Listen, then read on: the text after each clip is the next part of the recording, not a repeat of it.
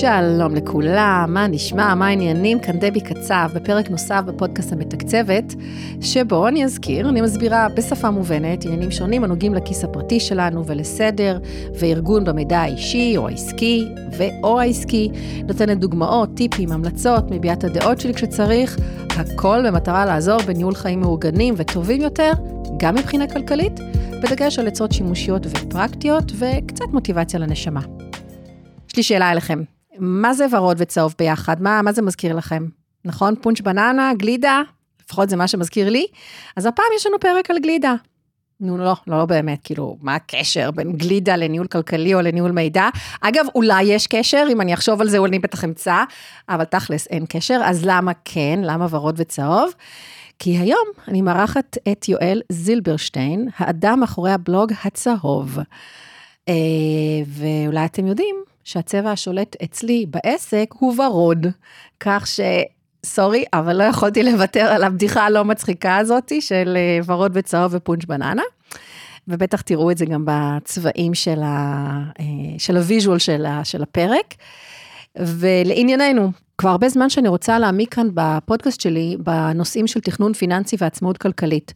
שני מושגים שלכל אחד מהם יש יותר מהגדרה אחת, וכשפגשתי את יואל לא מזמן בכנס, מה זה פגשתי? שמעתי אותו מדבר עם אחרים, זרק את המילה עצמאות כלכלית, וככה ניגשתי וש... ואמרתי, hmm, למה אתה עוסק?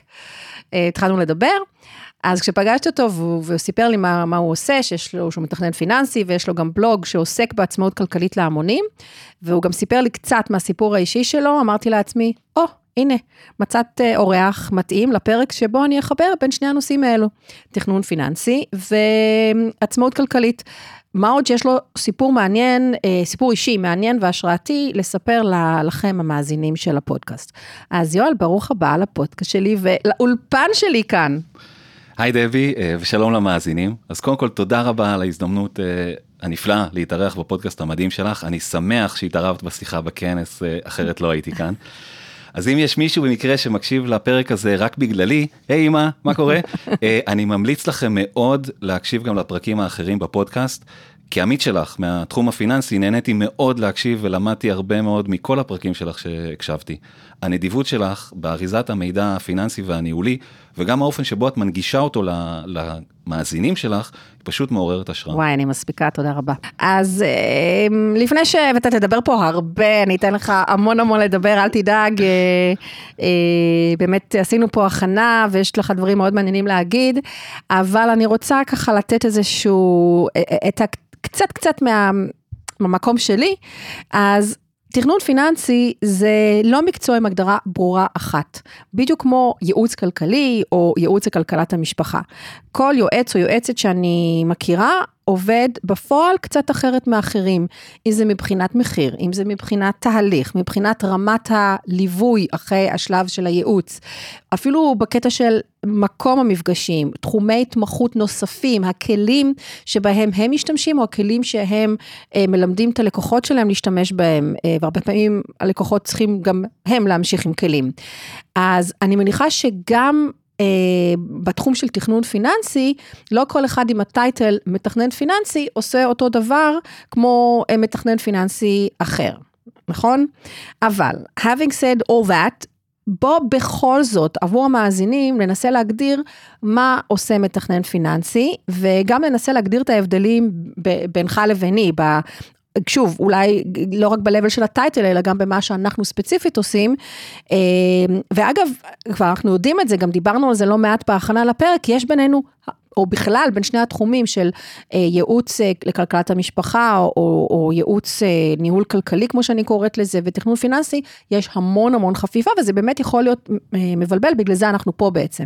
אז יואל, מה עושה מתכנן פיננסי? The floor is yours. אוקיי. okay. אה, תכנון פיננסי זה תהליך שנועד לעזור ללקוחות שלנו להשיג את מטרות שלהם בחיים. זה יכול להיות קניית דירה, דירה ראשונה או דירה שנייה, זה יכול להיות uh, הכנת תקציב להורדת הילוך בחיים, זה יכול להיות התארגנות לעזור לילדים uh, ללימודים בעתיד, uh, או לרכישת דירה משלהם, הלקוחות הם אלה שמגדירים את מטרות התכנון. התכנון okay. אוקיי. הפיננסי זה תהליך שמשתתפים בו כמה אנשים. Uh, התכנון מבוצע על ידי שילוב של הרבה כלים או מספר כלים ואסטרטגיות אה, פיננסיות שמותאמים ללקוח באופן אישי. הדרך אולי הכי טובה להסביר מה זה תכנון פיננסי, זה פשוט לתאר אותו בשישה שלבים. בשלב הראשון, אנחנו מגדירים את המערכת יחסים שלנו עם הלקוח, בסדר? מה הלקוח מקבל מאיתנו ומה הוא משלם לנו. או היא. או היא, כמובן. כן, או הם. כן. אה, בשלב השני זה שלב איסוף המידע. בסדר? בשלב הזה אנחנו אוספים אה, הרבה מאוד מידע, חלק מהמידע הזה זה מידע של מספרים וחלק במילים. כגון? אז המידע המספרי זה כולל בתור התחלה את המידע שלכם מהמסלקה הפנסיונית, כלומר הפנסיה שלכם, ביטוח מנהלים, קרנות השתלמות אם יש לכם, קופות גמל וכיוצא בזה. ומידע גם אודות הביטוחים שלכם. Mm-hmm. המידע הזה מצטרף ל- לעוד מידע שמגיע ממקומות אחרים, מהבנקים, מבתי השקעות, מחברות הביטוח, מתלוש המשכורת שלכם ועוד או פחות בהתאם ללקוח ובהתאם למטרות שלו. אוקיי. Okay. או להבדלים בשיטת עבודה של המתכנן.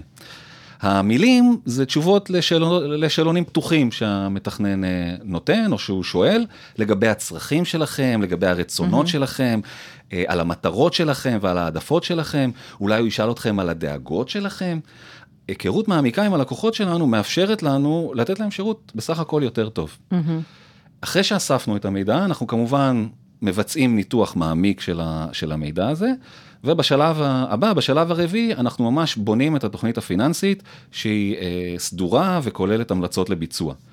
בשלב החמישי אנחנו מבצעים את התוכנית, ובשלב השישי אנחנו מבצעים אה, מעקב ובקרה, מעדכנים את התוכנית ובוחנים אותה מחדש. אוקיי, okay, אז אני שומעת פה כמה דברים שהם מאוד מאוד אה, דומים גם למה שאני עושה, ואחר כך אני קצת יותר אפרט.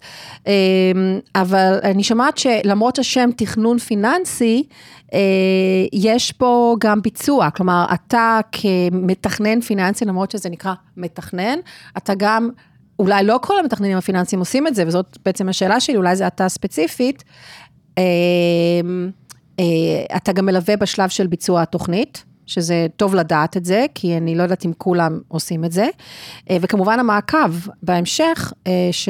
שאני מניחה שגם הכל עניין של מחיר, כי מישהו אומר, תן לי את התוכנית, אני, אני אעשה לבד, זה מחיר אחר מאשר תעזור לי גם לבצע. ועוד דבר שאני שומעת פה, ואולי זה פה קצת שונה גם ממה שאני עושה, אה, נראה לי שיש פה יותר אה, דגש על ניהול הון, ניהול סיכוני, סיכונים, אתה צריך להשתמש בכל מיני תוכנות חיזוי של אם אני משקיע עכשיו ככה, הכסף שלך יעשה ככה בעוד איקס שנים, נכון? אני צודקת? אז אני אתייחס לזה לפי הסדר. ראשית לגבי הליווי, אז אני מסכים איתך לחלוטין, אה, גם לדעתי התוכנית הפיננסית הטובה ביותר היא עלולה להפוך למשקולת נייר אם המתכנן לא מלווה את הלקוח בביצוע שלה. ובגלל זה גם השירות שאני מציע כולל לא רק בניית תוכנית, אלא ליווי של שנה שלמה ביישום התוכנית הזאת. אה, הלקוחות כמובן מוזמנים להמשיך לשנה נוספת, או לחזור בעתיד לפי הצורך, בגלל שהחיים הם דינמיים, וצפויים להיות בהם אה, שינויים בהמשך. אה, יעלו להם את המשכורת, הם יקבלו אולי איזה סכום חד פעמי, ירושה, הגיל שלהם משתנה, פתאום יש ילדים ונכדים חדשים. השימוש שלהם בנדל"ן משתנה, העדפות האישי, האישיות משתנות, mm-hmm. אז כל שינוי כזה יכול להיות איזושהי הזדמנות לעדכן את התוכנית הפיננסית ולעשות אותה אפקטיבית יותר עבור mm-hmm. הלקוח. זה מבחינת הליווי. אה, מבחינת הכלים, אז הדגש שלי בתכנון פיננסי הוא ההיקף של התהליך, בסדר? חלק מהמתכננים הפיננסיים משתמשים במילה אה, הוליסטי, מלשון שלם, כדי לתאר את קנה המידה. אני הייתי מצפה מתוכנית פיננסית להתייחס למספר היבטים פיננסיים בחיים של הלקוח, למשל, גם תזרים מזומנים, גם ניהול סיכונים, גם הקצאת נכסים, גם פנסיה, גם ביטוח, גם השקעות, גם נדל"ן. אה, אה, חלק מהמתכננים באמת מספקים ללקוח גישה לתוכנות מתקדמות, mm-hmm. בסדר? יש תוכנות ש... של ללקוח עצמו? ללקוח עצמו, כן, לפעמים, אה, לפעמים התוכנה יושבת אצל המתכנן, אה, אני באופן אישי, אני משתמש עם תוכנה שיש גם פורטל לקוח, שגם הלקוח יכול ולראות mm-hmm. חלק מהנתונים, mm-hmm.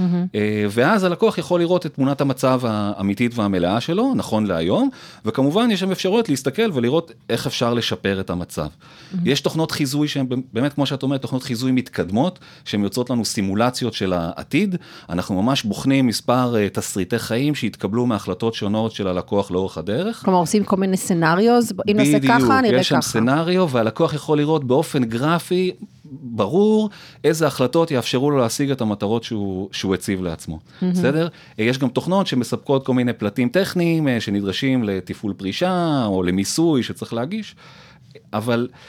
אבל כל הדברים האלה זה, זה אמצעים, בסדר? Mm-hmm. להשגת המטרות. כל מתכנן יכול להשתמש בכלים אחרים בהתאם להעדפות שלו ולפי ההתאמה שלהם ללקוח.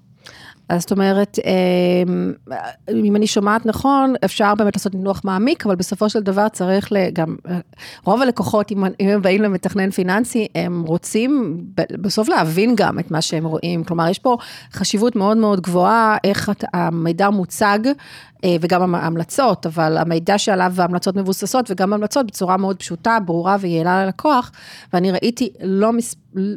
יותר מדוח אחד, ראיתי כמה דוחות של אה, מתכננים פיננסיים, לא אתה, שפשוט באו ללקוחות אחר כך, אה, אם זה היה על זה או על דברים אחרים והראו לי, הם פשוט בוכים. אני לא מבין כלום. את ממש הוצאתי את המילים מהפה, אני מסכים לחלוטין, אני מצפה מהמתכנן שיעשה את הניתוח ברמה הכי מעמיקה. אבל שידע להציג את זה ללקוח באמת בצורה אה, ברורה ויעילה. עוד פעם, הלקוח בסופו של דבר צריך לדעת מה לעשות, איך להתקדם, הוא צריך להבין את המתכנן, בסדר? כן, ויש אולי הבדל חושבת... בין השפה, הרמה שאנחנו מדברים בינינו, לבין הרמה שצריך להציג את זה ללקוח. ושוב, כל לקוח, באופן ספציפי, יש לקוחות שהם מבינים רק אם אתה מראה להם אקסל, ויש לקוחות שהם רואים את האקסל, הם הפסיקו להבין וצריך להסביר להם בצורה מילולית. צריכים או מילים, או גרפים, או... לא יודעת מה, סרטון. כן. בסדר, וזה התפקיד שלנו, זה בוחן את המקצועיות שלנו ואת היצירתיות שלנו בתור uh, מתכננים, uh, לדעת ולהציג... Uh, אבל בסוף הפרק אנחנו באמת ניתן רשימה של המלצות איך לבחור מתכנן פיננסי או, או מלווה uh, uh, פיננסי, אבל אני חושבת שזאת כן נקודה שבה חשוב להדגיש למאזינים, ש... Uh, שזה חלק ממה שאתם חייבים לשאול כשאתם בתהליך בחירה של מישהו, מה אני מקבל בסוף? ואם אני, תן לי דוגמה אפילו של מה שאני מקבל, ואם זה משהו מאוד מאוד גנרי, שרואים שפשוט המתכנן הכניס את כל הנתונים לאיזושהי מערכת ולחץ על כפתור ויצא לו איזשהו דוח כזה והוא מגיש לך את זה ולא הייתה פה חשיבה, תעצור. כאילו, ואולי תחפש מישהו אחר, כי זה יכול באמת, באמת, בסוף, אתה תצא עם תחושה כל כך לא נוחה וחבל. ופשוט ראיתי הרבה כאלו, וחבל לי. אני אז... מסכים לחלוטין. אמרנו, השלב הראשון זה, זה באמת תאום הציפיות בין הלקוח למתכנן, ש... גם מבחינת ה output. גם מבחינת ה output, בדיוק. מה אתה, כן. מה אתה נותן ומה אתה מקבל. אז כמו שבעצם גם אתה אמרת, אבל אני חושבת שאחד הדברים אצלי למשל, שאני לא רק מייעצת, בגלל זה גם קוראים לעסק שלי ניהול כלכלי אישי. בהתחלה, בהתחלה גם אצלי אגב קראו לעסק אה, אה, תכנון כלכלי, ואז אה, שיניתי את זה לניהול, כי ראיתי שהלקוחות שאני, שאני, שמגיעים אליי ונשארים לאורך זמן, הם כאלה שגם אני מלווה. אנחנו עושים תכנון, אנחנו עושים ייעוץ, אבל אנחנו עושים יישום, ואני מלווה אותם כדי שהדברים באמת יקרו. זה מאוד חשוב. ובגלל זה אני קוראת לזה ניהול, ויש אנשים שאני מלווה אותם כבר עשר שנים ומעלה, אוקיי? זאת אומרת, הקטע הניתוחי והתכנוני הוא, הוא נקודת המוצא שלי, כי אני חייבת כמובן לדעת עם מה, מה יש היום, ו, וכמובן לאן רוצים להגיע. ואותי, מה שמייחד אישית, זה שבאמת יש את האפשרות לליווי לאורך זמן, להחזיק יד, ללוות בכל מיני עניינים פיננסיים. גם כמתכללת, גם כמדרבנת, לפעמים אני צריכה לדרבן, לדרבן אותם, תעשו את מה שאתם צריכים לעשות כבר, זה משהו שאני לא יכולה לעשות עבורכם, תעשו, ועוד פעם ועוד פעם. אה, זה סוג של תמיכה רגשית ולא רק אה, מקצועית, וכמובן, אני חושבת שעוד הבדל זה העניין של התקציב, שאני חושבת שאני, איש, עוד פעם, אולי רוב היועצים לכלכלת המשפחה, אבל בטוח אני, אני יודעת להיכנס מאוד מאוד לעומק ולעזור לאנשים גם לראות את המצב היום, בתקציב בשוטף, וגם אה, לשפר אותו, ואני חושבת ש... פה עיקר ההבדל בין מה שאתה עושה לבין מה שאני עושה. שיכול להיות שה... עוד פעם, לא אתה כאתה, אבל מתכננים פיננסיים באופן כללי, פחות נכנסים לקטע של התקציב, זה יותר על כל הדברים האחרים שמנית. אני חושב שאת צודקת, אה, אצל הלקוחות שלי אני נותן להם את אה, אפשרות הבחירה, אם הם רוצים להיכנס אה, לעומק בנושא התקציב וכלכלת המשפחה אני עושה את זה, אבל באמת אני חושב שיש לך ארגז של כלים ואפשרויות להציע, מאוד רחבות להציע ללקוחות בתחום הזה. כן, אז זה גם משהו שחשוב אה, שיזכרו את ההבדלים האלה ולראות איפה, לפחות מה נקודת המוצא, כי לפעמים, לפני שעושים את, ה, את כל השינויים בכסף הגדול, מה שנקרא, צריך קודם כל להתחיל מהשוטף, שזה גם כסף גדול, אבל לפעמים זה בנוי גם מדברים קטנים, כמו, לא יודעת מה, חשבון החשמל וכל מיני הוצאות על מנויים ודברים כאלה שאנשים בכלל לא יודעים מה הולך, קודם נעשה סדר שם. ואז נעבור לדברים האחרים, ואם לי אין את הכלים, אז אני מפנה למישהו כמוך לעשות את התכנון הפיננסי במספרים היותר גדולים. לפעמים אני אומרת, זה שילוב של גם אנשי מקצוע. אז אה, בואו נמשיך קצת לדבר על העניין של המתכנן פיננסי. אתה מתכנן פיננסי מוסמך. אתה יכול להסביר על ההסמכה, כמה היא חשובה, מה זה בכלל ההסמכה הזאת? אה, אוקיי, אז בגלל שאין רגולציה בתחום, אה, בארץ? מה, בארץ, אז כל אחד יכול לקרוא לעצמו מתכנן פיננסי, וכל אחד יכול לתת uh, לאנשים המלצות שיכולות לקבוע את, ה, את הגורל הפיננסי שלהם, ואני חושב שבגלל זה ההסמכה היא חשובה כפליים. בסדר? Mm-hmm. אני מציג את עצמי כמתכנן פיננסי מוסמך, CFP. Mm-hmm. אני הוסמכתי על ידי... אה, רגע, CFP, תסביר. אה, סליחה, Certified Financial Planner. אוקיי. Okay. בסדר? מתכנן mm-hmm. פיננסי מוסמך. כן. אני הוסמכתי על ידי אה, ארגון עולמי שכולל יותר מ-200 אלף מתכננים פיננסיים CFP ברחבי העולם. Mm-hmm. בסדר? יש לנו גם לשכה בארץ. ההכשרה כמתכנן פיננסי CFP היא הכשרה ארוכה, ואני משתמש במילה מפרכת, שהיא מיועדת לאנשים שכבר יש להם ניסיון והשכלה בתחום הפיננסי. זאת אומרת, לא כל אחד יכול לבוא לא, ו... לא כל אחד אה, ללמוד ולהיות אה, מתכנן ללמוד. פיננסי? אה, תקופת ההכשרה נמשכת פחות או יותר שנתיים, והיא מורכבת מלימוד ובחינה על מספר תחומים, על מבוא לתכנון פיננסי, ניהול פיננסי, מיסוי, השקעות, הקצאת נכסים, ניהול סיכונים. תכנון פרישה והעברה בין דורית. מתכננים פיננסיים מוסמכים מעבר ללימודים, יש להם בסוף הלימודים, יש להם גם מבחן הסמכה מסכם, שהוא נמשך יום שלם, כמו הבחינות של מבחני הלשכה של עורכי הדין, עורכי mm-hmm. חשבון, יום שלם של מבחן שכולל גם חלק עיוני וגם חלק אה, מעשי. ההכשרה של מתכנן פיננסי היא גם לא נפסקת אחרי ההסמכה, אנחנו מחויבים להמשיך ולהעמיק את הידיעות שלנו, כן, גם לאחרי, אחרי ההסמכה. יש לנו מנגנון בלשכה שמוודא שאנחנו עומדים בדרישות. אנחנו צריכים אה, להיות, אה, לבוא לימי עיון וכנסים, אה, ללמוד או ללמד במוסדות השכלה, לכתוב מאמרים, להשתתף בפודקאסטים, mm-hmm. הנה אני כבר מכין את השטח לניקוד. לכל פעולה יש ניקוד, ונדרשים באופן שנתי לעמוד במכסה מסוימת. רגע, אני רוצה רק להגיד לך, להגיד משהו פה, אני סליחה שאני קוטעת אותך, אבל אה, קודם כל אני חושבת שבזמני, כשאני למדתי, אני למדתי ב-2010 אה, כלכלת המשפחה, לדעתי זה לא היה קיים אז, או לא היה קיים בארץ. לא זכור לי בכלל שראיתי פרסומים על העניין הזה. לא משנה, אז גם היה פחות פרסומים שיש היום בכלל, באופן כללי, אבל לא זוכרת שזה היה בכלל.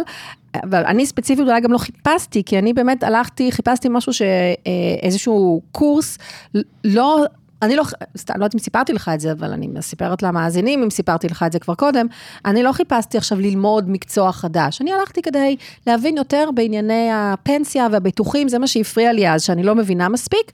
וחשבתי לעצמי, כבן אדם נורמלי ו- ויחסית אינטליגנטי, אני אמורה להבין, אז אמרתי, אני עכשיו יש לי הזדמנות, אני אלך ללמוד את הדבר הזה, ואני לא הלכתי בק- בקטע של ללמוד עכשיו כדי להיות יועצת לכלכלת המשפחה. זה קרה אחר כך, אגב, בגלל שפתאום הבנתי שאני יודעת להסביר דברים לאנשים בצורה פשוטה ו- ושהם מבינים, אה, ו- ואמרו לי, וואי, אז תסתכלי גם על הדברים שלי, תסתכלי על התקציב, תסתכלי על הפנסיה שלי ותסבירי לי, ו- ותגידי איך אני יכול, אה, מה לא בסדר ומה אני צריך אולי לשפר.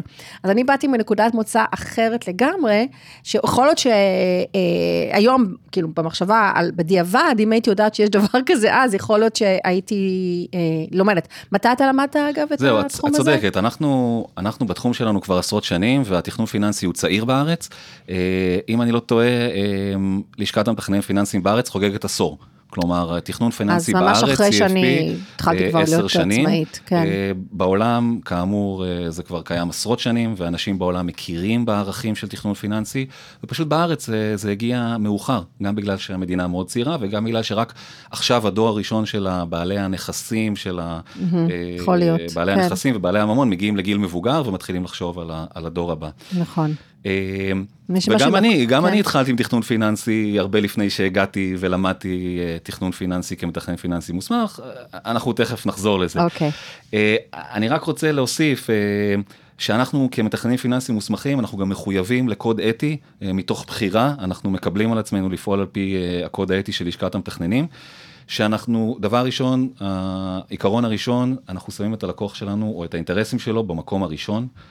אה, אנחנו, ואני אמשיך לפי הסדר, בסדר? העיקרון השני אה, בקוד זה כנות ויושרה, אה, אובייקטיביות, הגינות ושקיפות, מקצוענות, כשירות, סודיות וחריצות. כלומר, אנחנו באמת שמנו על עצמנו כאילו את כל מה שיכולנו לשים על עצמנו בהתנדבות, בסדר? בהיעדר הרגולציה, אנחנו בעצמנו אה, מתחייבים לקוד הזה, mm-hmm. בהתנדבות.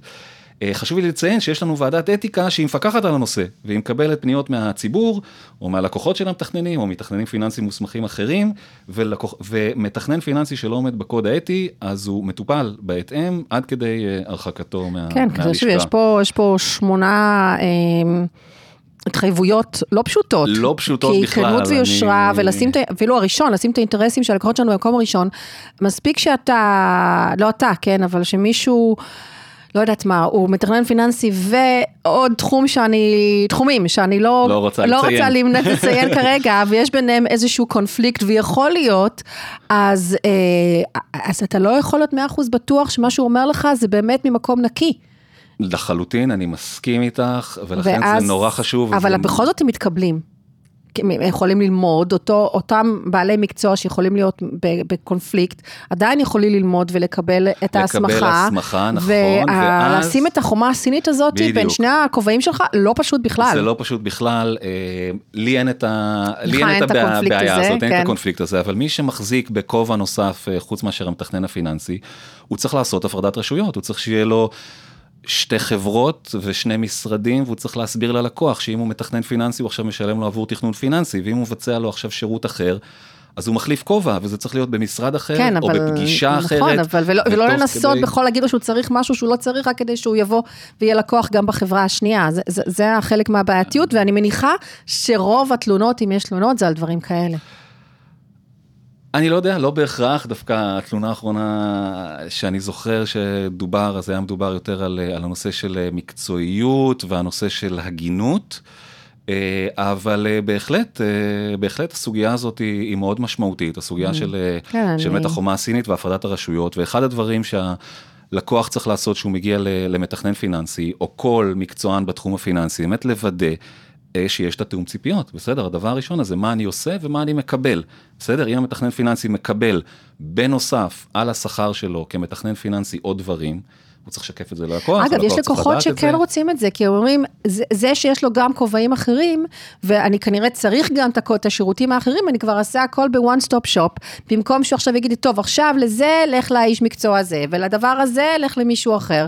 אז זה גם יכול להיות דבר טוב, כל עוד אותו איש או אשת מקצוע, באמת, הם, כמו שאתה אומר, שקופים בעניין, ו, ו, ו, ועושים את ההפרדה הזאתי, ואם הם בכל זאת לא הבן אדם הנכון עבור אותו לקוח, השירות הנוסף שלהם, שידעו להגיד, כן, אני יודע לעשות את זה, אבל דווקא אני ממליץ לך ללכת למישהו אחר, ולהסביר למה. אז זה מה שאנחנו משתדלים לעשות אה, בלשכת המתכננים הפיננסיים, באמת אה, אה, ליצור איזו קבוצה של, אה, של מתכננים, קבוצה של אנשי מקצוע, שידעו לה, לעשות את זה בצורה, אה, בצורה שאת אה, מתארת, אה, בניגוד למישהו שהוא סתם קורא לעצמו מתכנן פיננסי, ואף אחד לא משגיח עליו. הזה, כן. ויש לכם משהו על זה שהסמכה היא כן, כל, ש... כל שנה? כן, ההסמכה שלי היא גם כל שנה מחדש, כלומר, אה, אנחנו נבדקים אה, ונבחנים כל שנה, התעודה שלי היא בתוקף עד ה-31 ל-12 22, ואז מחדש חובת ההוכחה עליי, יבדקו שאני אה, עמדתי בניקוד, יבדקו, ש, יבדקו שלא עשיתי אה, כל מיני אה, דברים שלא הייתי אמור לעשות, אנחנו לא נחים על הזרי הדפנה, אנחנו עובדים קשה, כמו שאת עובדת קשה, בשביל הלקוחות שלנו. כן? רגע, והאנשים שבעצם אה, בלשכה הזאת, אה, או באיגוד, או שזה נקרא, זה אנשים שעושים את זה בהתנדבות, או אתם משלמים דמי אה, חבר, כדי שיעשו את העבודה שלהם? את ה... להיות ועדת אתיקה, או okay, להיות... אוקיי, הלשכה היא, אה, היא, היא ארגון ללא מטוי, זה מלכ"ר, בסדר? Mm-hmm. זו עמותה רשומה, היא ללא רווחים. אנחנו כן משלמים אה, דמי חבר משמעותיים, 아, אפילו, משמעותיים, לא אפילו, לא מינימליים. אפילו לא, אפילו לא מינימליים. Mm-hmm. אנחנו מקבלים הרבה מאוד, הרבה מאוד תמורה, וכל האנשים שמתנדבים, אם זה בוועד המנהל, אם זה בוועדת ההסמכה או כל מיני ועדות אחרות, הם לא מקבלים תמורה כמובן. אז הם כן מתנדבים. הם מתנדבים.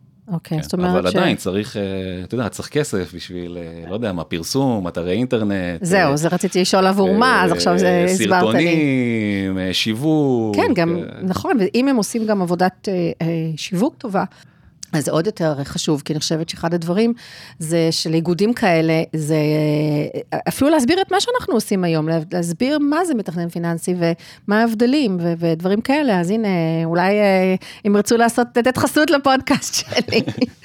טוב, אז uh, לפני שנעבור לנושא הבא של עצמאות כלכלית, וכמובן הכל uh, מחובר, ועכשיו אנחנו בעצם נחבר את זה על ידי הסיפור שלך. אנחנו, אני, מה זה אנחנו? אני, קודם כל רוצה לדעת איך הגעת לתחום של תכנון כלכלי, uh, ובאמת uh, לקשר בין זה ל, ל, ל, לעצמאות כלכלית. הבמה שלך, דבר, תספר לנו את הסיפור שלך.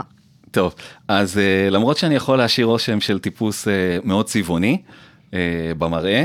אה, אני בעצם טיפוס אה, מאוד שקול ומאוד מאוזן. אז רגע, רגע, אז אני אגיד, כי זה פודקאסט, בכל זאת אין פה וידאו, אבל יש את התמונה בקאבר של הפרק, אז אם אתם באפליקציה שבה רואים את הקאבר של הפרק ולא את הכללי, אז אתם יכולים להסתכל, ובכל אופן אני אסביר שאתה אומר צבעוני, כי... אמ, יש לך שיער כזה ארוך יחסית, יש לך לוק רגוע, אתה לא פה עם אה, חליפה ועניבה, וכמו שאולי יש לנו בראש, אנחנו חושבים על מתכנן פיננסי עם ה-brief case הזה, ולא, אתה באת עם ה-backpack אה, ולוק... אה, לוק רגוע, מה אני אגיד? אז בגלל זה באמת, אתה חושב, אתה יודע שאתה משאיר רושם של טיפוס צבעוני, אבל אתה אומר שאתה שקול ומאוזן. כן, מאוד שקול ומאוזן ומתוכנן. כבר בגיל צעיר ש... שהיו שואלים אותי מה, מה אתה רוצה להיות שתהיה גדול, אז אמרתי להם, אני רוצה להיות uh, זקן נחמד שמשחק טניס. Uh, אלה היו המטרות שהצבתי לעצמי, בסדר? Uh, uh, כבר בגיל צעיר כיוונתי רחוק להגשמת המטרות שלי, וניסיתי פשוט לבנות לי uh, תוכנית חיים מתאימה שתביא אותי לשם. אז החיים שלי והמסע שלי לחקר ולהשגת עצמאות כלכלית, ומאוחר יותר לימודי התכנון הפיננסי, הם כולם אה, שלובים זה בזה, ואני... אני רוצה רק להבין, אתה כאילו ממש זוכר היום, ואתה בן 40 פלוס, אתה זוכר היום את המחשבות האלה שאמרת לעצמך, אני רוצה... אה, לחלוטין. כשהיית בן, לא, בגילי העשרה אה, כבר? זה לא גילי העשרה, אני מדבר על גיל 6-8, שאתה ילד קטן, שואלים אותך מה אתה רוצה להיות, ואתה אומר, אני רוצה להיות שוטר, או כבאי, או איש עסקים.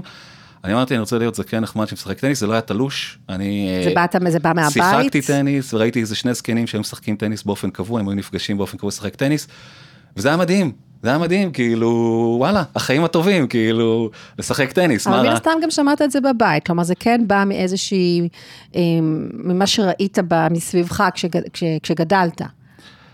אה, כי זה לא מחשבות רגילות של ילדים בגילאים האלה. אני לא יודע, אני קצת קשה לי קודם כל... אה, ניסה לך פה לחבר, פסיכולוגיה. כן, לחבר לעצמי משהו רגיל. אה, אה, אני לא כל כך רגיל, כלומר...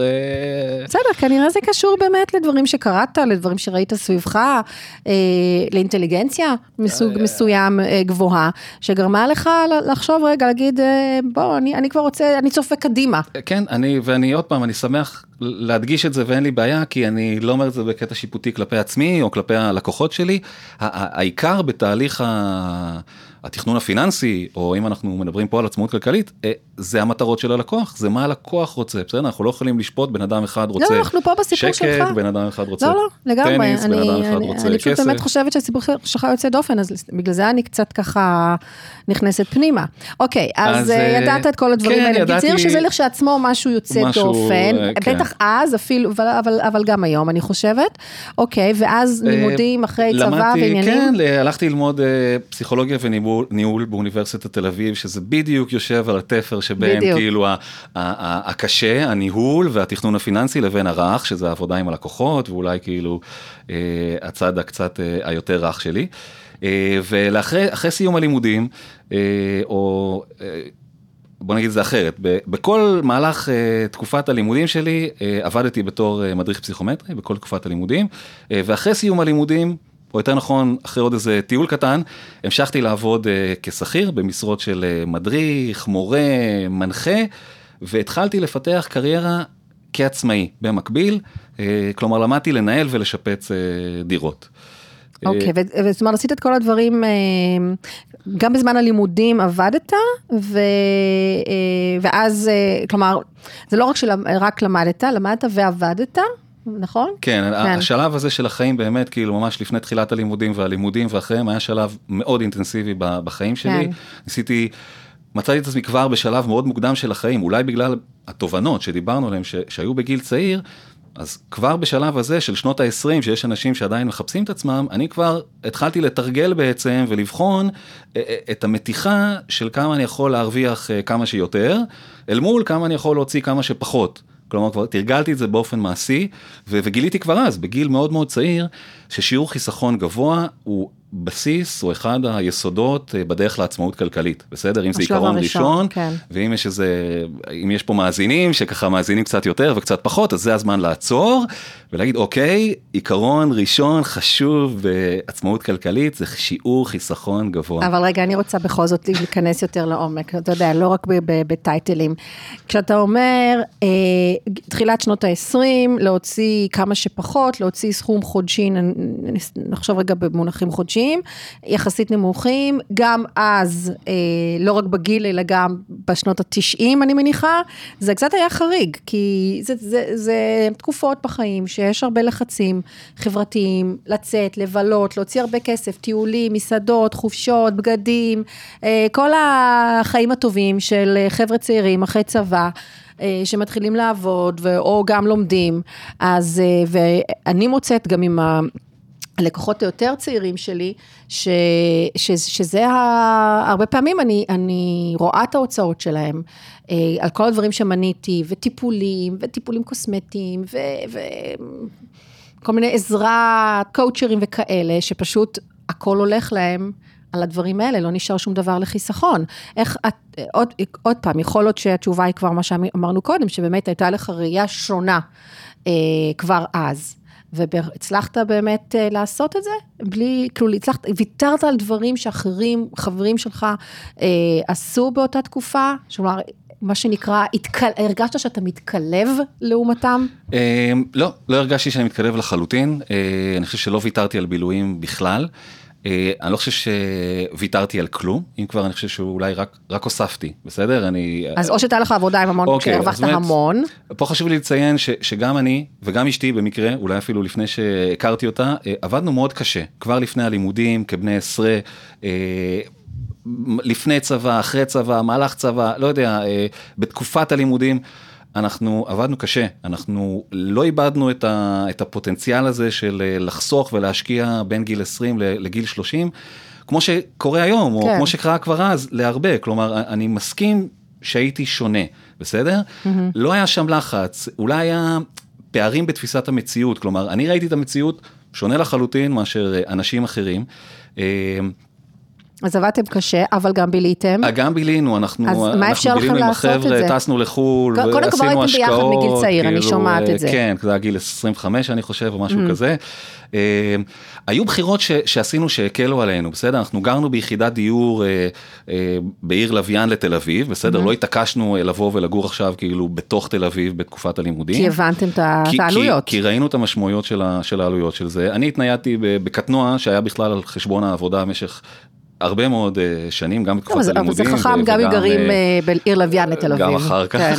אה, והיו עוד כמה פעולות שעזרו לנו לחסוך ולהשקיע משהו כמו חצי מההכנסה שלנו, 50 אחוז. עכשיו, לא במקרה אני הזכרתי את הסעיפים האלה, את הסעיפים של הדיור ואת הסעיפים של התחבורה, כי, כי הם ההוצאה העיקרית אה, של, של משק בית בישראל. תפתחו כל אה, כן. כתבה כלכלית או אה, אה, משהו של הלשכה המרכזית לסטטיסטיקה, אתם תראו, מקום ראשון זה הדיור.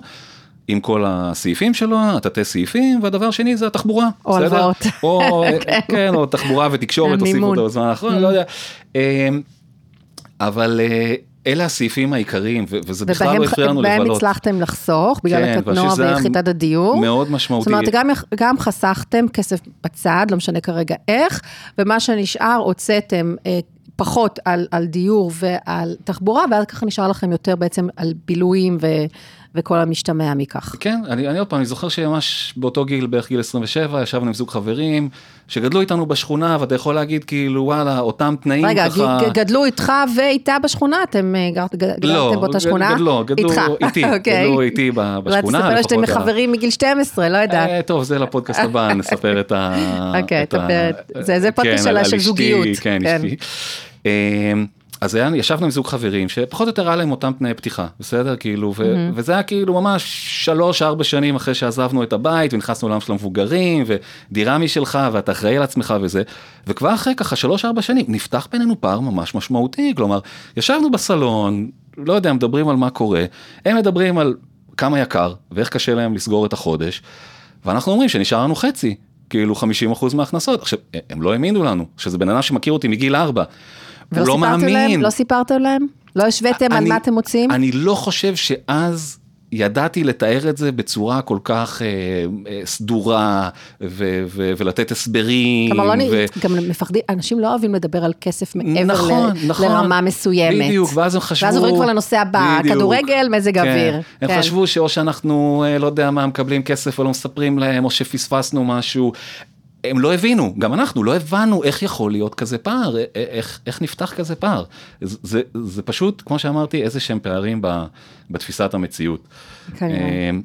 אה, כן. תראי, זה לא זוג חברים שמייצג אולי את כל החברים שלי, אבל זה חברים אמיתיים, יש אנשים שפחות אה, מסתדרים עם כסף. יש גם אנשים שאומרים לעצמם, סליחה, אה, אה, בלי, לא יודעת מה, מאמנת אישית, אני לא קם בבוקר, אני לא, לא חי. נכון. אוקיי? שזה חלק בלי, או בלי מנקה, או, או, או עוזר, עוזרת, איך שזה נקרא היום, אה, שבאה אליי פעמיים בשבוע, אין לי חיים. ואצלך אולי זה לא ככה, או היה, לא היה ככה אה, אז. זאת אומרת, מה שאתה חשבת כמינימום, שונה ממה שאנשים אחרים חשבו כמינימום. ואני חושבת שזה מתחיל משם. אה, כנראה, כנראה. אני חושב שאנחנו לא פחדנו פשוט לקום ולעשות את הדברים. אה, ועוד פעם, גם אם הייתי רוצה למצוא אז איזה מתכנן פיננסי, אה, כנראה שלא הייתי מוצא, כי עוד לא היה תכנון פיננסי בארץ. אני לא אומר שלא, שלא היו לנו כישלונות, בסדר, היו לי כישלונות, השקעתי בהשקעות לא טובות, גם אני נפלתי, יצא לי להפסיד כסף, אבל, אבל עשיתי, כלומר עשינו את זה, ועשיתי את זה מגיל צעיר, מה שאפשר לי כאילו לאורך הזמן אה, להשתפר. אוקיי. אז uh, אנחנו מדברים באמת על, uh, אוקיי, לפני 25 שנה בערך, אם אנחנו נכנסים ככה בדיוק כן. למספרים, שנות ה-90, כן, מה, מה זה, מה זה אין אינטרנט, כאילו האקסל, כאילו את אולי ידעת להשתמש, אז בקושי היה בשימוש, כאילו נכון. האקסל, מחירי הדירות בארץ נקובים בדולרים, כן, שריד להיפר אינפלציה משנות ה-80, אף אחד לא שמע על, אה, על תכנון פיננסי בכלל, ופיתחתי לעצמי איזה נישה מוזרה. של איש נדל"ן שהוא במרכאות לא מתווך, mm-hmm. בסדר? והתחלתי ללוות לקוחות פרטיים בתחום של הנדל"ן. והייתי מריץ את אה, מה שהיום כאילו כל כך ברור לנו שיש תוכניות וכל מיני כאלה דברים, הייתי פשוט מריץ את החישובים על נייר ועיפרון, בסדר? וואו. מה, מה עדיף ללקוח עכשיו לקנות דירה ולשפץ אותה ולהשכיר אותה, או, אה, או לקנות אותה ולשפץ אותה ולמכור אותה, ולצאת עכשיו לעוד, אה. לעוד סיבוב, בדיוק, כן. לצאת לעוד פליפ, כאילו שעוד לא השתמשו בכלל ב- כן. ב- בז'רגון. מה עדיף ללקוח אחר, לקנות דירה למגורים, או לקנות דירה להשקעה, להשכיר אותה ולשכור בעצמו, כן? להשכיר לשכור. שהיום כן. עוד פעם זה משהו שכאילו זה ברור שצריך לשקול את שתי האפשרויות, אבל אז עצם השאלה... הייתה פורצת דרך, עצם האפשרות של לקנות אה, דירה ולגור בדירה אחרת היה כאילו וואו, כן, כן, כן, היום זה כל כך מובן מאליו, כן, כן. היום זה מובן מאליו, אז ה- כל התהליך הזה והתשואה שהלקוחות שלי אה, קיבלו והיכולת שלהם לשמר את התשואה הזאת שהם מקבלים מהנדל"ן לאורך זמן, היא התגלתה נורא משמעותית כאילו בתוכנית שלה שבניתי, אני רואה שהתשואה נורא נורא משפיעה, ו- ופה גיליתי למעשה את העיקרון שני בדרך לעצמאות פיננסית, זה הנושא של לגייס את העיקרון של הריבית דריבית לטובתך. שנייה רגע, כי אתה אומר, אני עוצרת אותך רגע, אה, שפיתחת לעצמך נישה כזאת, זאת אומרת שהתחלת כבר לעבוד אז, היית כבר עצמאי, היה, אתה סיפרת שהיית עצמאי מגיל מאוד מאוד צעיר, היה לך כבר תיק, ורק מה שאתה עושה בעצם בפועל השתנה, והדבר הזה של האיש נדל"ן שהוא לא מתווך, ועושה עושה את כל התכנונים האלה על הנייר, בעצם אה, התחילו, התחלת לעבוד כבר עם לקוחות, נכון? התחלתי לעבוד, לעבוד עם לקוחות, כן, כמובן מפה לאוזן, בהתחלה זה לקוחות שיותר כן. פגשתי כאילו ב, בסיבובים שלי בתל אביב. אחד הפנה העולם- לשני, ו- העולם היה הרבה יותר פיזי, היית נכון. נפגש עם אנשים אה, באתרי בנייה, ברחוב, מחליפים כרטיסי ביקור, זה לא כמו היום, כן, כאילו, אה, הכל בוואטסאפ. כן. כן. אה, אז תמשיך על הריבית דריבית. כן, וריבית דריבית, אז עוד פעם, כל מי שנרדם והלך לרגע וזה, שירשום לעצמו בצד, ריבית דריבית, אם כן, יש לכם איזשהו, כן. איזשהו כוונה לתכנן ריבית, איזשהו תכנון אה. כלכלי או עצמאות פיננס, כל דבר, ריבית דריבית.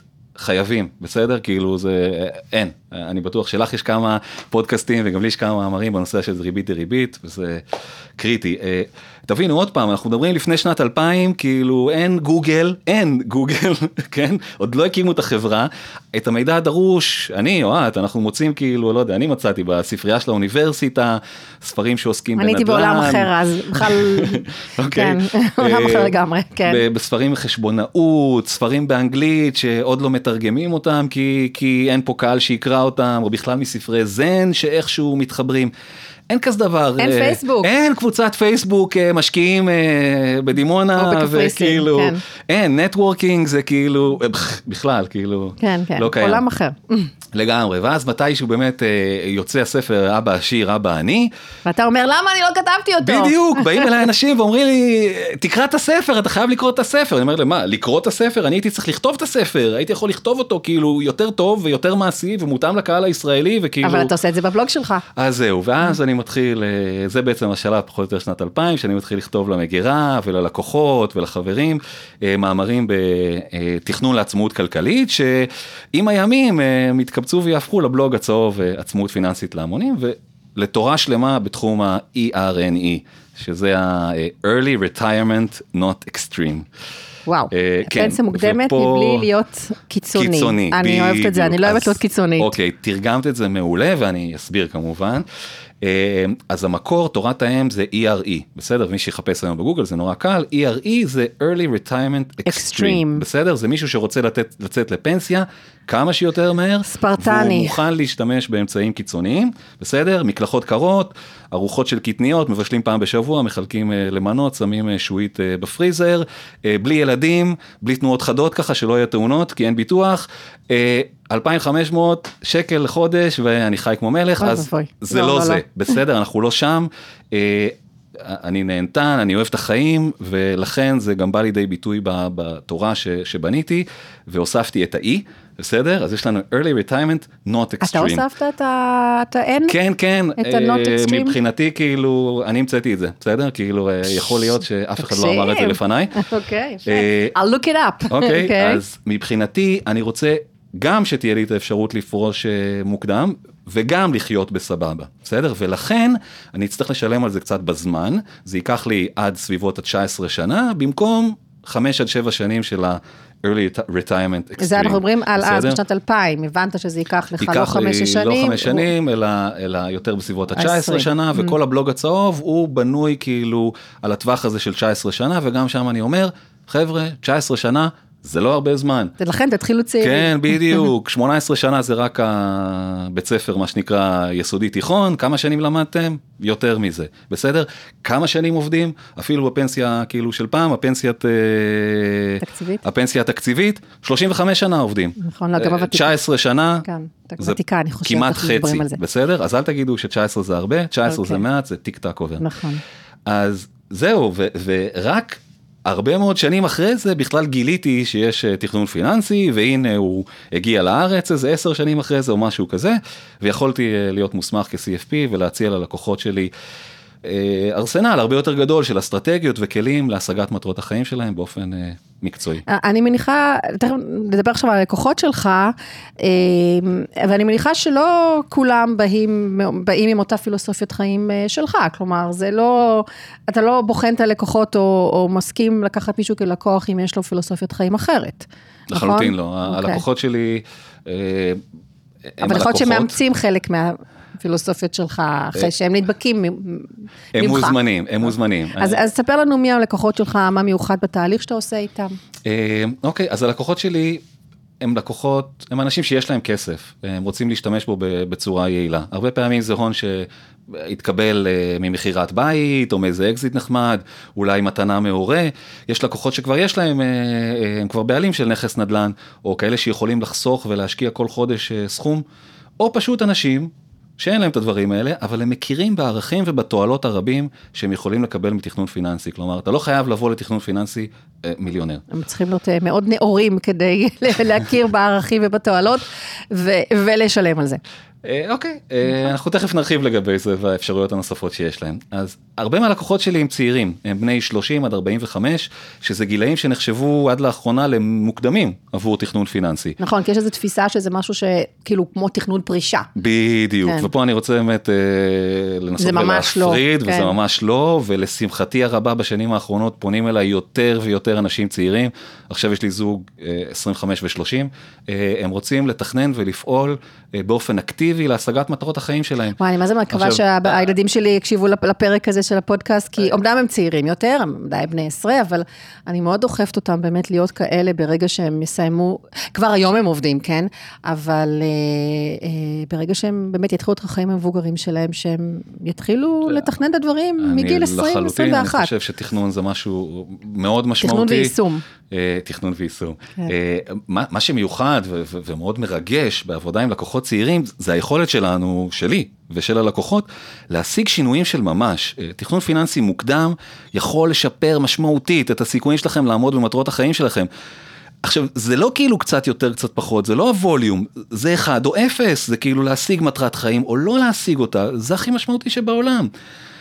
בזמן האחרון היה לי, ליוויתי לקוחה בת 63 בתהליך לקראת פרישה, גם את זה אני עושה. זה היה פוקח עיניים כמה פחות אפשר לשנות בשלב הזה. בסדר, כמובן שעדיין אפשר לשנות ולעזור הרבה, ו- ותכנון פרישה הוא קריטי ואסור לוותר עליו. אבל אם היא הייתה מגיעה ל-20 או 25 שנה קודם, וואי וואי, כאילו, היינו בסרט אחר לגמרי, לטובה כמובן.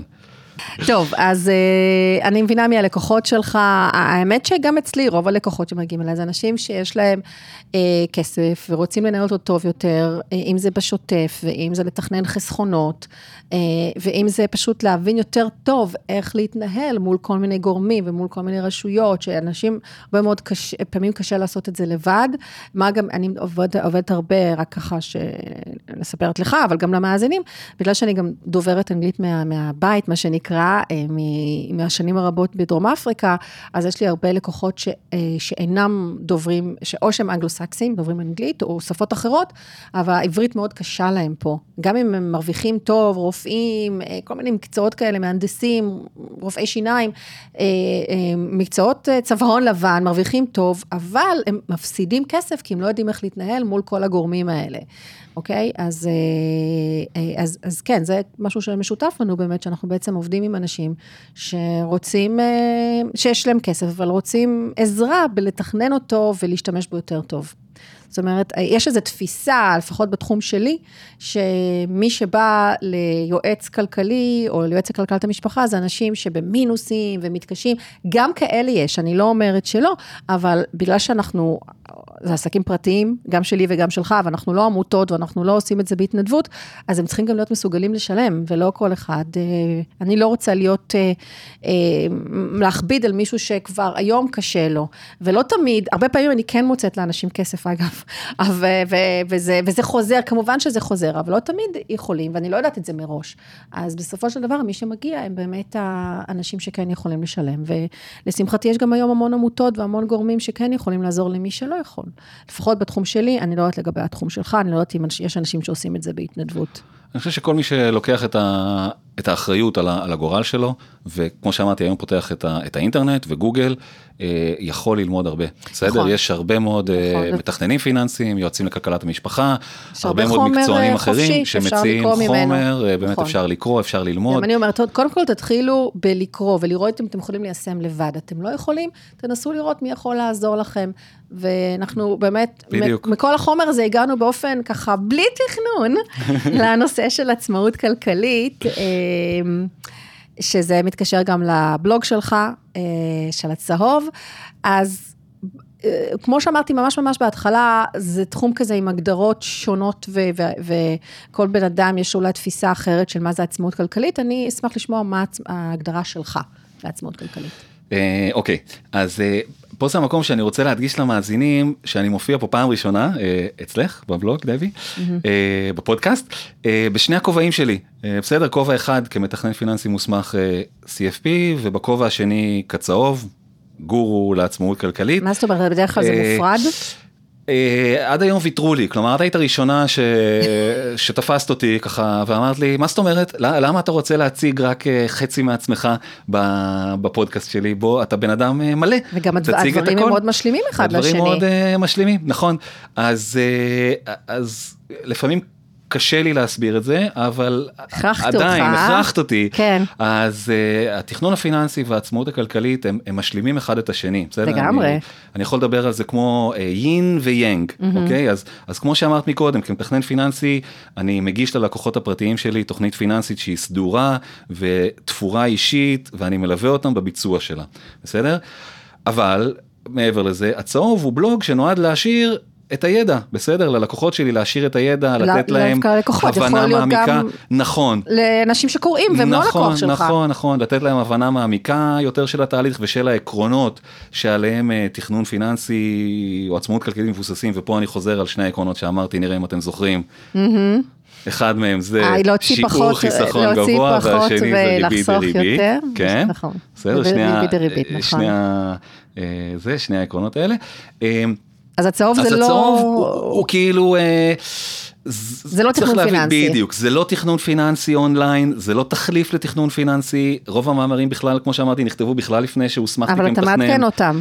ודאי, כל הזמן, אוקיי. ומוסיף אה, כל הזמן מאמרים חדשים. אה, השפה שונה, הצבע שונה. מאוד צהוב. הרבה מאוד שונה, בסדר? וחשוב לי שאנשים לא יבלבלו בין תכנון פיננסי, זה שירות שאני נותן ללקוחות פרטיים, או שניתן ללקוחות פרטיים, לבין גלישה באתר הצהוב, עם, עם, עם כל הכבוד לצהוב.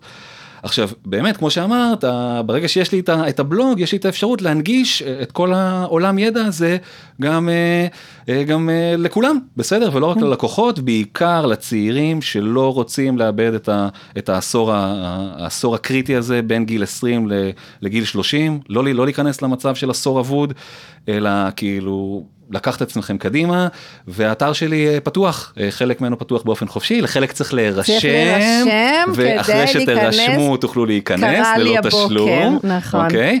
אבל זה, זה הכל, אה, זה הכל יש לך במתנה. פה כמה מספרים מעניינים שסיפרת כן, לי כן, בהקשר אני, הזה. אני פשוט רציתי להדגיש.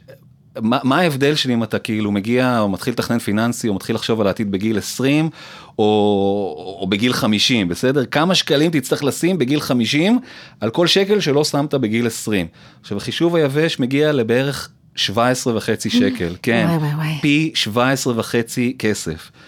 אני אגיד את זה עוד פעם ואני אתאר את זה במספרים אחרים. אוקיי. אתם רוצים מיליון שקל בגיל נזיל, 60 נזיל, אנחנו מדברים על כן, דירה, מ- מ- נזיל, רציתי מיליון שקל בגיל 60, לא ניכנס פה יותר מדי לא משנה איפה, אבל לא- ו- אבל. לא ב- לא בנכס נדל"ני. כן, רוצים אוקיי. מיליון שקל בגיל 60, אין בעיה. תבואו עשר שנים קודם בגיל 50, אני מניח פה הנחת תשואה של 10 אחוז, שזה תשואת שוק ההון האמריקאי במאה השנים האחרונות, שימו 385 אלף שקלים על השוק הזה, עשר שנים קודם בגיל 50, יעברו עשר שנים, הסכום פחות או יותר ישלש את עצמו ויגיע למיליון שקל.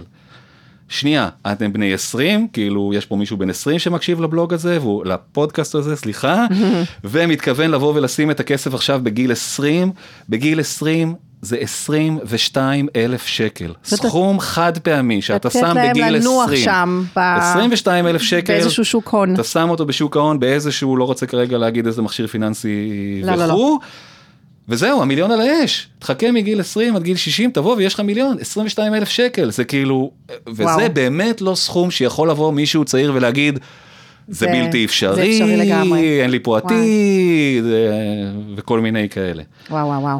אוקיי. כן, וואי, זה מספרים שיכולים קצת לבאס, גם אה, למי שעבר את זהו. הגילאים האלה. אה, נכון, Mm. נכון, מי שעבר את הגילאים זה, באמת קצת מבאס, אבל מי שתופס את זה מוקדם ומבין את העיקרון של ריבית דריבית ומגייס אותו לטובתו, וואו, זה מדהים. אז בגלל זה אני תמיד אומרת, ההשקעה הכי טובה שלי זה הילדים שלי, כי אולי אני במובנים מסוימים, אישית, בגלל נסיבות חיים, שדיברנו על, על זה קודם המון, לא יכולתי לעשות את הדברים שאתה הצלחת לעשות בגיל 20, היו לי נסיבות מאוד מאוד אה, שונות ולא כל כך שמחות, אבל אני מגדלת את הילדים שלי בצורה כזאת, שהם...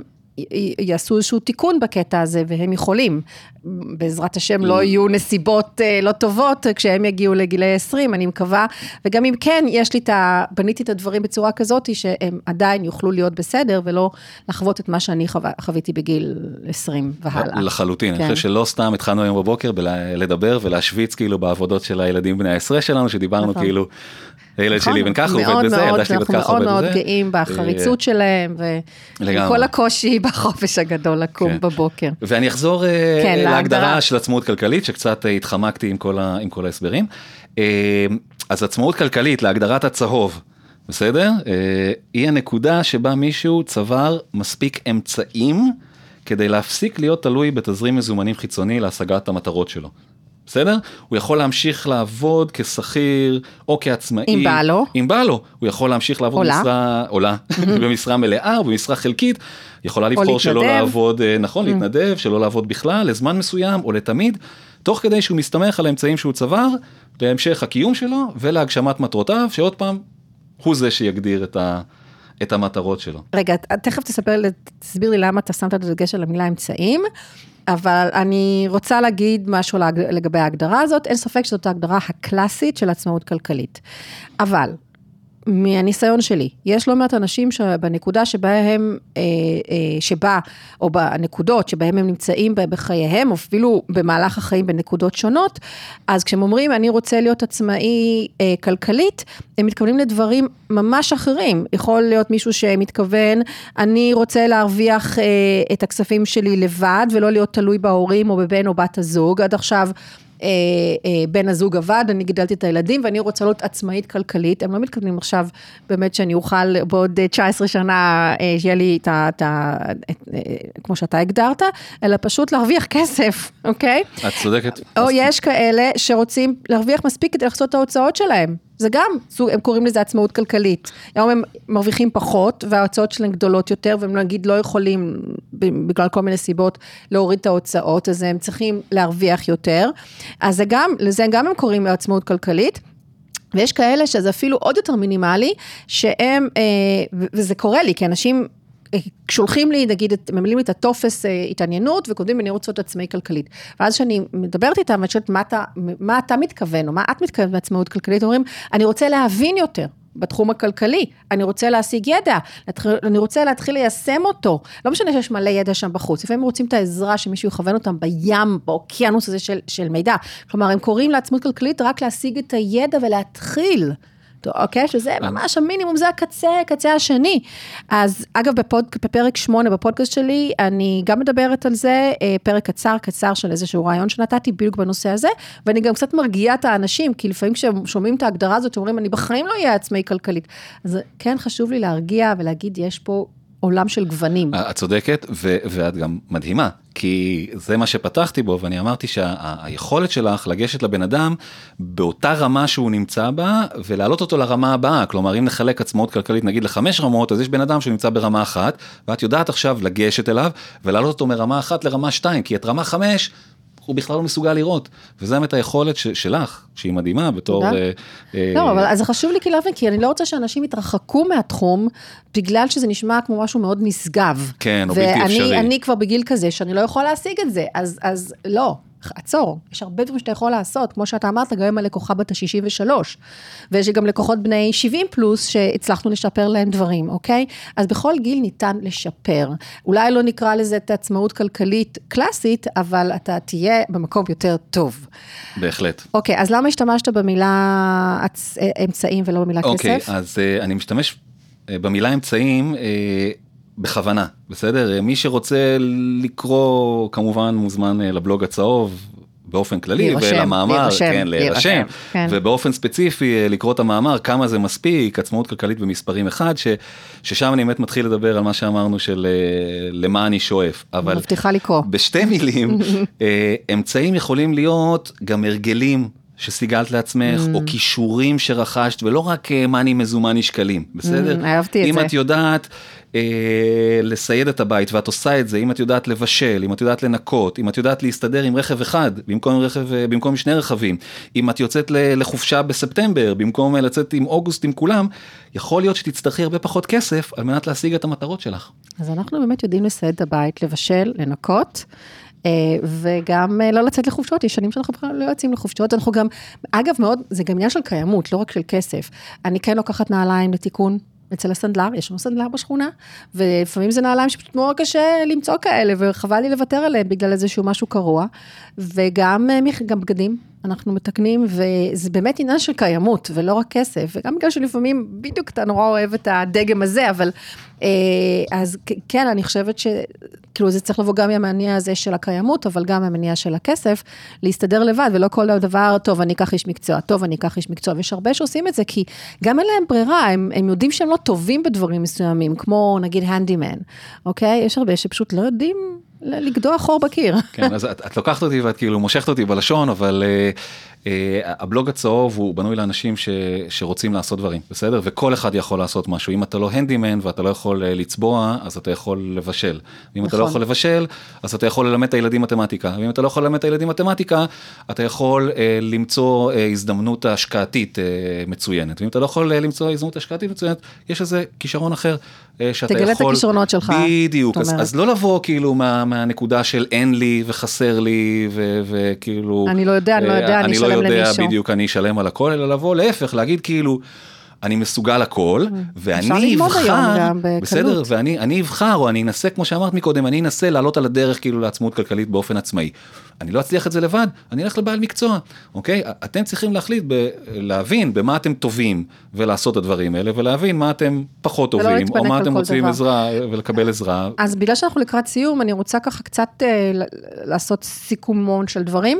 קודם כל, מהסיפור שלך ומה שדיברת על עצמאות כלכלית, ואני לוקחת לפחות שלושה דברים. קודם כל, מדהים שאנחנו פחות או יותר באותו מקצוע, אך הגענו אליו מקצוות כל כך שונים. מסיפורים. אוקיי? מסיפורי חיים ונסיבות חיים כל כך שונות, ובסוף בכל זאת מצאנו את עצמנו, ולא חושבת שזה כזה נדיר. יש הרבה אנשים שהגיעו למקצועות אה, כאלה ממקומות אה, שונים לחלוטין. כלומר, זה לא מי שמגיע אליו, זה רק מי שעשה את זה. וכל החיים מתנהל בצורה מסוימת, אפשר כאילו לשנות, אני חושבת שזה פה איזושהי בשורה ככה חיובית. אה, ש... ודיברת על נסיבות חיים, באמת נסיבות חיים סופר סופר משמעויות, אה, סופר אה, משמעותיות, סליחה, וסופר משפיעות. והרבה פעמים אנחנו לא מזהים שיש לנו נסיבות טובות. ואנחנו מתבכיינים על כל דבר, ואנחנו מפונקים, ואנחנו לא רואים את הטוב שיש לנו, ואנחנו רואים רק מה חסר לנו, ומתבכיינים, ומבזבזים, ואז אנחנו מגיעים לגיל שכבר זה הרבה יותר קשה להשתנות. אז תעצרו רגע ותחשבו, האם הנסיבות שלי באמת טובות, ואני יכול לנצל אותן עכשיו, או אני אתבכיין על כל דבר. אני חושבת שגם אתה יכולת לא לראות את מה שהיה לך, ולהתנהל בצורה אחרת. אוקיי? אז עצם העצירה והזיהוי מאוד מאוד חשובים. וגם עוד דבר, אני חושבת שיש יתרון עצום בלהתחיל את החיים ה... הזוגיים שלך בגיל צעיר, יחסית, 25, אתה אומר, זה יתרון כלכלי עצום. אה, אני רואה את זה גם, אגב, גם בקרב חברים וגם בקרב אה, לקוחות שהתחילו ביחד בגיל צעיר, ולא היה להם אה, הרבה שנים של בזבוזים על דייטים ושתי דירות, דירה לה, דירה לא, ו... והתחילו חיים שותפים מעל גיל 30, כשהם פשוט שפכו מלא כספים על הדברים האלה. עכשיו, זה לא... לא באה ואומרת, תתחתנו צעירים, זה לא הקטע, אבל אני אומרת שיש בזה איזשהו יתרון. אז... יש בזה יתרון, ויש גם אולי, היום אולי קצת יותר הכרה שה... אה, שהזוגיות, שחיי הנישואים, שחיי הזוגיות, יש בהם גם איזשהו אלמנט כלכלי, שפעם אולי כאילו לא היו מדברים על זה בגלל אה, בושה, או בגלל שחשבו שזה אולי אה, פחות רלוונטי, אבל הפן הכלכלי הוא חלק מהזוגיות. זה אומרים שזה גם ערובה לאריכות חיים, במיוחד לגברים. טוב, אז לסיום, בוא ניתן למאזינים שלנו רשימת מכולת כזאת של דברים שכדאי לבדוק לפני שבוחרים מישהו, אשת מקצוע, שיסייעו להם בתחום הפיננסי. אז אני אגיד כמה דברים, תוסיף את הדברים שלך, וממש נהיה לקראת סיום. קודם כל, באמת, לבדוק את ההסמכה שלהם. להבין, לשאול, אה, במה הם מתמקצעים ובמה לא. האם הם גם סוכני ביטוח, יועצים פנסיונים, יועצי משכנתאות, יועצי השקעות. כמו שאמרנו, לפעמים זה טוב שהם יהיו כאלה, ולפעמים זה לא טוב, תלוי גם מה השילוב, אה, ולפעמים אתם רוצים מישהו שיהיה לגמרי אובייקטיבי, אה, ולפעמים דווקא השילוב יכול להיות לכם טוב, אז תבררו באמת מה ההתמקצויות שלהם. תקראו את האתר, את הבלוג, את עמוד הפייסבוק של אותם בעלי מקצוע, תראו שאתם מתחברים, שיש שם מידע, שזה מישהו שבאמת פעיל. תבדקו את הזמינות שלהם, האם הם, אתם גם לא רוצים מישהו שכל, שאלו אותו שאלה ומיד תקבלו תשובה, זה אומר שהם כנראה לא עושים הרבה, וגם תעריכו את זה שהם כאלה. מצד שני, אם הם אומרים לכם שהפגישה הבאה בעוד חודשיים, אולי לא מתאים לכם. תבדקו גם את פורמט הפגישות. האם זה במשרד שלהם, אה, האם הם באים אליכם הביתה, האם זה בזום, מה אורך הפגישות, אה, כמה פגישות, כמה עבודה יש לכם לפני, במהלך התהליך הניתוח או הייעוץ. אני לא אומרת פה מה טוב ומה רע, אני רק אומרת שתבואו מוכנים, שלא יהיו לכם הפתעות. אגב, לפעמים אני חושבת שדווקא להיפגש במשרד ולא בבית שלכם זה דבר טוב, כי זה מנתק אתכם מכל הרעשי רקע בבית. אה, תבדקו את סוגי המסלולים שיש לו או לה, לליווי או לייעוץ או, או לתכנון, האם יש רק אופציה להכל או כלום, או שאפשר לעבוד מודולרי. אה, וגם מה כולל הכל, וזה מוביל אותי לנקודה הבאה, אה, שהם נותנים לכם הצעה כתובה שכוללת את כל הפרמטרים, מה כלול, מה לא כלול, תנאי תשלום, תנאי ביטול, תועלות, הכל, באמת שהכל יהיה כתוב, כי אנחנו גם רוצים לא רק לשמוע את זה, אנחנו רוצים גם לראות את זה כתוב ולעכל את זה ולשאול שאלות. אה, יותר קל כשאנחנו קוראים את הדברים, וגם אפשרות לקבוע שיחת היכרות טלפונית קצרה לפני שקובעים את הפגישה הראשונה. זה גם חשוב כדי לבדוק את הכימיה האישית ביניכם, שהיא דבר מאוד מאוד חשוב. והדבר האחרון בעיניי זה המחיר, שלא יהיה מחיר שאם זה המחיר נשמע לכם או נמוך מדי או סופר סופר גבוה, אני חושבת שזה גם זה שהם נורות אדומות. ויש כאלה, יש כאלה שתוקעים מחירים, שוואו, יש כאלה שהמחירים שכל כך נמוכים, שאני גם אומרת, לא, משהו פה לא, לא, לא ברור לי. אז מה אתה אומר? אה, טוב, אז נראה לי. שהייתי סודית כהרגלך, אה, אבל כמובן אני אוסיף איזה, איזה דבר או שניים. אה, כדאי, וזה מתחבר למחירים, כדאי לבדוק ש... אשת או איש המקצוע הם משתכרים כראוי עבור השירות שהם, אה, שהם נותנים לכם או שאתם מצפים לקבל בסדר אם אתם רוצים לקבל שירות סוף הדרך ממקצוען בתחום הפיננסי צריך לשלם לו כראוי, בסדר? צריך לשלם בשביל זה. כן, כן, כן, כן. לא רק רותם סלע, כן, כולנו. אני כן. אומר את זה בהקשר לכל השיחות טלפון שאתם מקבלים בנוגע לתכנון פיננסי, ואני עושה פה מרכאות עם הידיים, אתם לא רואים, חינם, ואני עושה פה מרכאות עם כן. הידיים, אתם לא רואים. אה, או כל שיחת טלפון אחרת שאתם מקבלים ואומרים לכם שזכיתם או קיבלתם משהו חינם. או אסמסים, שולחים גם עוד גם. זה לא חינם, אין חינם, זה לא חינם. הרפורמה בתחום הביטוח, כנסו לבדוק את ה... אם מגיע לכם. אתם, אתם עוד תשלמו ביוקר על החינם הזה, בסדר? כאילו, אתם צריכים, כמו שאמרתי, וכמו שדבי אמרה, בשלב הראשון לראות מה אתם משלמים ומה אתם מקבלים.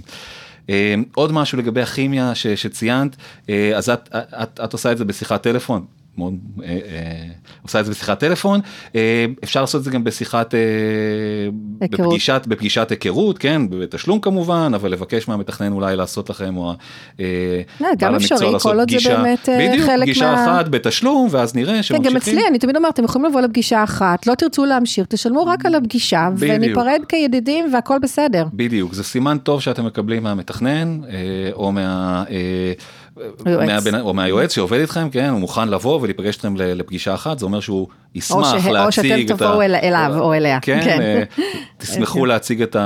המתכנן ישמח להציג את היכולות שלו ו... ו... ואת הכל, ו... זה מאוד חשוב לנו התיאום הציפיות הזה כדי לצאת לדרך נכון. גם לנו גם לנו בעלי המקצוע חשוב התיאום ציפיות לא פחות מאשר לכם חשוב נכון, נכון, מאשר נכון, הלקוחות מאוד, כן מאוד, מאוד. גם אנחנו לא רוצים כל לקוח גם לנו חשוב לבחור את הלקוחות שמעוניינים לעבור שמתאימים. את התהליך שמתאימים לעבור את התהליך ושיצליחו לעבור את התהליך יש איתנו. יש כאלה שפשוט אול... לא מבושלים עדיין גם שהם יכול להיות שהם יבואו בעוד שנה אותם אנשים יהיו במצב אחר וזה גם בסדר היו לקוחות שחזרו אחרי שנתתם להם הצעת מחיר שנתיים אחר כך. נכון, ויכול ו... להיות ש... עוד פעם, אם אנחנו מקצוענים ואובייקטיביים, אנחנו אחרי פגישה אחת, אנחנו נגיד, תקשיבו, אנחנו ממליצים, ממליצים לכם ללכת למישהו אחר. או לחכות. לדעתנו, כן, או לחכות, או, או לפנות למישהו אחר, כי הצורך שלכם יענה יותר טוב על ידי אה, בעל נכון. מקצוע שונה. אה, כן, כי רק ככה באמת תוכלו לוודא שאתם נכנסים לתהליך עם אה, איש או אשת מקצוע שמתאימים לכם, לצרכים שלכם, ולא קשור מה הטייטל שלהם, מתכנן פיננסי, יועצת אה, כלכלית אישית, לא, כאילו שימו את הטייטלים בצד, ותעברו על כל הרשימה הזאת שעברנו, כדי למצוא את הבן אדם המתאים לכם. ואגב, אני לא יודעת אם אתה יודע, אם, אם הקשבת לי כמה מהפרקים, אז אתה אולי כן יודע שאני תמיד נותנת סוג של שיעורי בית. אני קוראת לזה שיעורי בית, אבל כמובן זה לא בדיוק, אני לא מצפה לאף אחד שישלח לי את השיעורי בית, אבל אני כן רוצה להשאיר ככה עם נקודות לחשיבה, אז הנקודות מהפרק הזה, אם אתם בשלב באמת אה, של חיפוש והחלטה למישהו שילווה אתכם פיננסית, אז קחו את כל, תרשמו את כל הפרמטרים האלה, אולי אני אפילו אפרסם אותם אה, באתר שלי כ, כ, כבלוג כתוב, אני צריכה באמת לחשוב על זה. אה, גם היו לי כתבות כאלה בעבר, אני זוכרת. אה, ותעברו על כל איש או אשת מקצוע שפניתם אליהם לפי הפרמטרים ש, שמנינו, ואם משהו לא נראה לכם, פשוט תמשיכו הלאה, יש עוד אנשי מקצוע. ועוד משהו אחד, גם, גם למחשבה בבית, מה שנקרא, עכשיו שהסברנו שלעצמאות כלכלית יש מספר הגדרות, ולא רק אחת, תכתבו מהי עצמאות כלכלית עבור עצמכם בשלב הזה של החיים שלכם, ואולי גם תכתבו איך אתם אה, רוצים להגדיר את זה בעוד איקס שנים. ותזכרו שאתם, אפילו כשאתם משתמשים במונח הזה, שמי שאתם מדברים איתו, או, או עם המונח הזה, אולי יש להם הגדרה אחרת בראש. אז תסבירו למה אתם מתכוונים. אל תשתמשו רק במונח, תזרקו אותו, או אני רוצה להיות עצמי כלכלית. אל תיתנו להגדרה הקלאסית לבאס אתכם ולגרום אה, לכם להחליט, כמו שאמרנו קודם, לא לעשות כלום, כי זה כל כך רחוק מכם. החיים מאוד דינמיים, השינויים אפשריים, וגם לכיוון חיובי, לרוב. אז תהיו ספציפיים ו, ותמשיכו לעשות דברים, אל תרימו ידיים. יואל, איך אה, מגיעים אליך? אה, טוב, אפשר למצוא אותי באתר המתכנן שלי. אה, בסדר, אנחנו נשים את הלינקים בטקסט של כן, הפרק. באתר המתכנן או באתר הצהוב, אתם מאוד מוזנים להיכנס לאתר הצהוב, אני רק אומר מראש, תדעו חבר'ה, אתר הצהוב מאתגר, בסדר? כמו שהוא צבעוני ומשוגע. ולא קשור למכבי תל אביב. מרתק, הוא, מאתגר, תבואו עם סבלנות, יש כן, מאמרי מבוא. כן, ואפשר לשלוח לך דרכו מייל או וואטסאפ כתובים, ואם רוצים לשאול שאלה או רוצים באמת... ודאי, אתם מוזמנים, כן, מוזמנים ליצור איתי קשר, הכי נוח כמובן בצורה הכתובה, תשלחו מייל, אני אחזור אליכם. לא הודעה קולית. כאילו קולי זה פה רק לפודקאסט. טוב, אז אני רוצה להגיד לך שוב ממש תודה שהגעת. תודה רבה. מתל אביב הרחוקה, מאוד מאוד מעריכה את זה. לכם למאזינים, כרגיל, תודה רבה על ההאזנה. אם יש לכם שאלות או אתם רוצים להציע לי נושאים אה, לפר, לפרקים עתידיים הקשורים לניהול כלכלי או לניהול מידע אישי ועסקי, אז תמלאו את השאלון, יש תמיד את הלינק אה, מצורף בבנות של הפרק. אה, תרשמו איזה שם שאתם רוצים, תרשמו את השאלה שלכם. אם תרצו ייעוץ או ליווי ממני בניהול כלכלי או ניהול מידע אישי או עסקי בעברית או באנגלית, אז תשלחו לי אה, מייל או הודעה כתובה לוואטסאפ או דרך העמוד שלי בפייסבוק. וכרגיל אני אשמח כמובן לדירוגים טובים, אה, המלצות, הרשמות כמנוי לפודקאסט, ואז תקבלו גם התראות על כל פרק חדש שעולה. ונותר לי להגיד ביי, תרצה להגיד ביי גם? כן, תודה רבה, להתראות לכולם ובהצלחה, ואני מקווה שתזמיני אותי לעוד פודקאסט. נחשוב על עוד נושאים. כן, אולי אפילו המאזינים יציעו לנו. כן, נעשה אולי זוגיות וכלכלה. נחשוב גם על זה. יאללה, ביי. ביי ביי.